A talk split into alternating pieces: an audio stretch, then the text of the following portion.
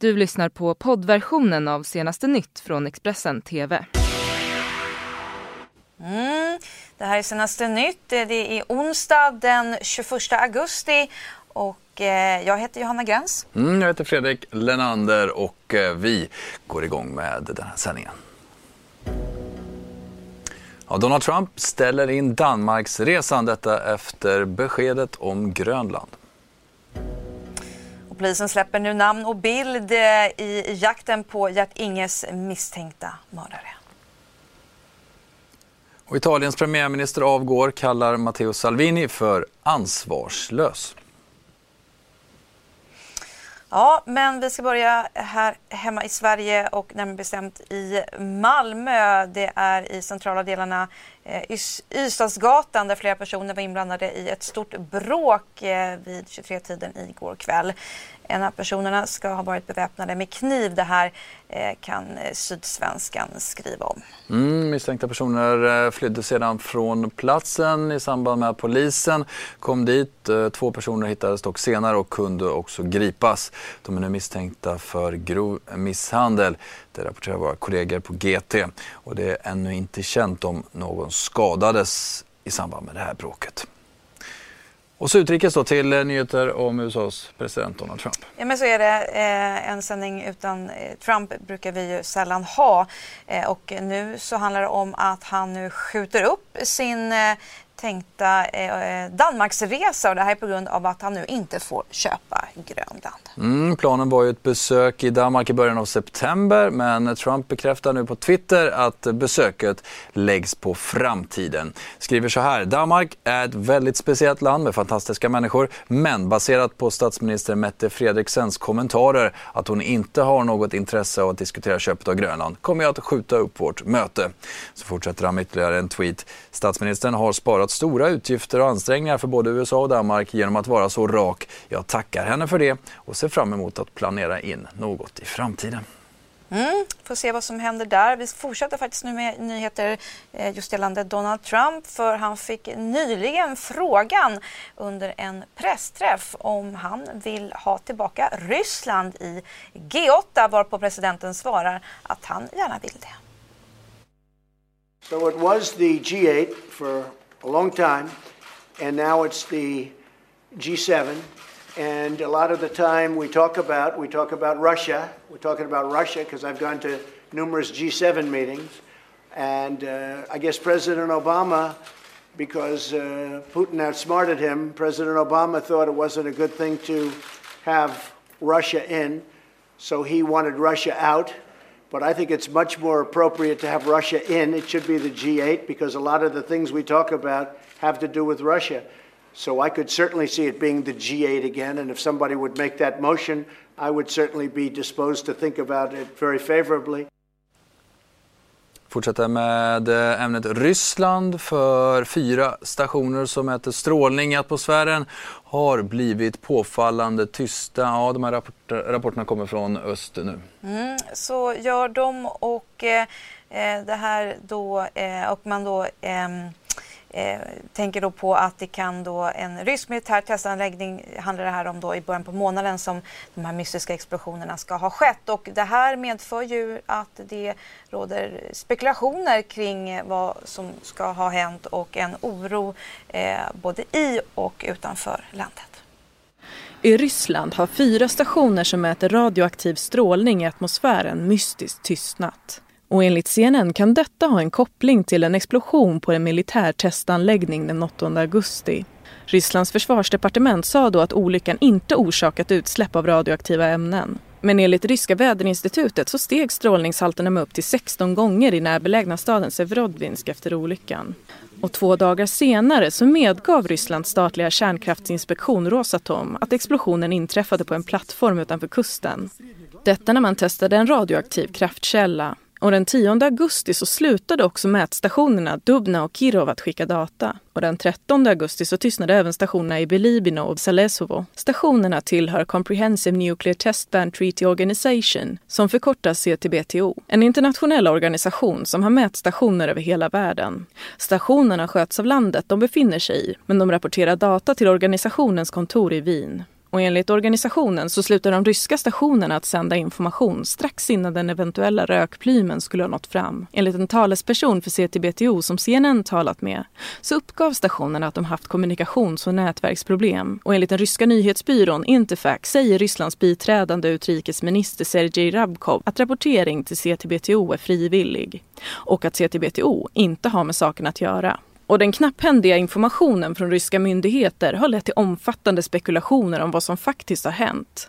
Utomlands har man frågat sig om det var en atomdriven kryssningsrobot som kallas SSC X9 Skyfall som testades. En slutsats som experter enligt SVT dock har ställt sig skeptiska till tar oss tillbaka till Sverige där två ukrainska män, 47-årige Oleksandr Trajduk och 48-årige Jaroslav Lavriniv nu är misstänkta för att ha mördat Gert-Inge Bertinsson i Markaryd och även då tagit hans bil. Polisen har gått ut med namn och bild och uppmanar allmänheten att kontakta polisen om man ser de här två männen.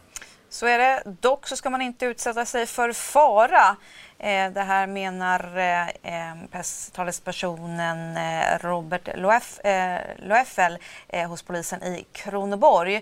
Han menar ju då på att de här misstänkta personerna är ju misstänkta för mord och då ska man inte ingripa själv utan helt enkelt kontakta polisen. Nu till eh, en eh, brist på äldreboenden och demensboenden eh, som verkar finnas faktiskt runt om i hela Sverige. Där rapporterar SVT Nyheter. För nämligen närmare hälften av landets kommuner menar på att det här är ett stort problem. Mm, det är 127 av de 280 kommunerna som svarat på Boverkets årliga enkät och uppger att de inte har tillräckligt många särskilda boenden för äldre. Och detta är alltså en ökning sedan förra året då 116 kommuner upplevde den här bristen. Solveig Eriksson Kurg är sakkunnig vid Vård och omsorgsnämnden i Nyköping. Hon säger till SVT att de just nu har 30 personer som står i kö och att det här har blivit värre de senaste två åren. Så utrikes igen. Mm, vi ska till Italien eh, för Italiens premiärminister eh, Giuseppe Conte. Han meddelar nu att han avgår samtidigt som han ger en rejäl känga mot vice premiärminister och inrikesministern Matteo Salvini som han kallar för ansvarslös och ansvarig för den rådande regeringskrisen. Det var på tisdagen som Italiens premiärminister Giuseppe Conte i sitt tal till senaten meddelade att han kommer lämna in sin avgångsansökan till presidenten.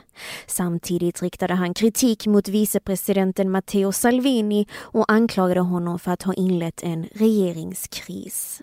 Krisen som Conte syftar på inleddes i början av augusti efter en konflikt mellan de två partierna i regeringskoalitionen.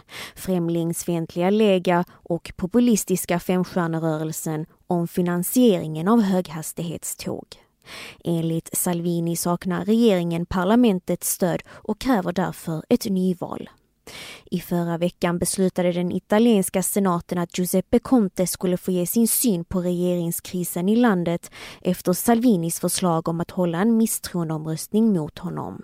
Och det var under det talet som Conte meddelade att han avgår. Beslutet att avgå öppnar upp för president Sergio Mattarella att inleda formella överläggningar med partierna med syfte att bilda en ny koalition. Om det lyckas riskerar Salvini själv att tvingas bort från regeringen.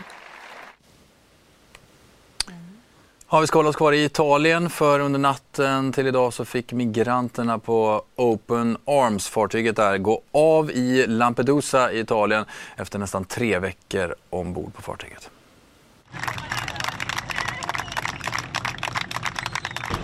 Här anländer Open Arms till Lampedusa i Italien. Åklagarmyndigheten på Sicilien beordrade räddningsfartyget under tisdagen att lägga till på den italienska ön Lampedusa och låta de 80 kvarstående migranterna att gå av. Detta efter att fartyget varit ute till havs i 19 dagar utan att veta vart de ska åka. På bilderna kan man se hur folk kramas av lycka över att äntligen få lämna fartyget.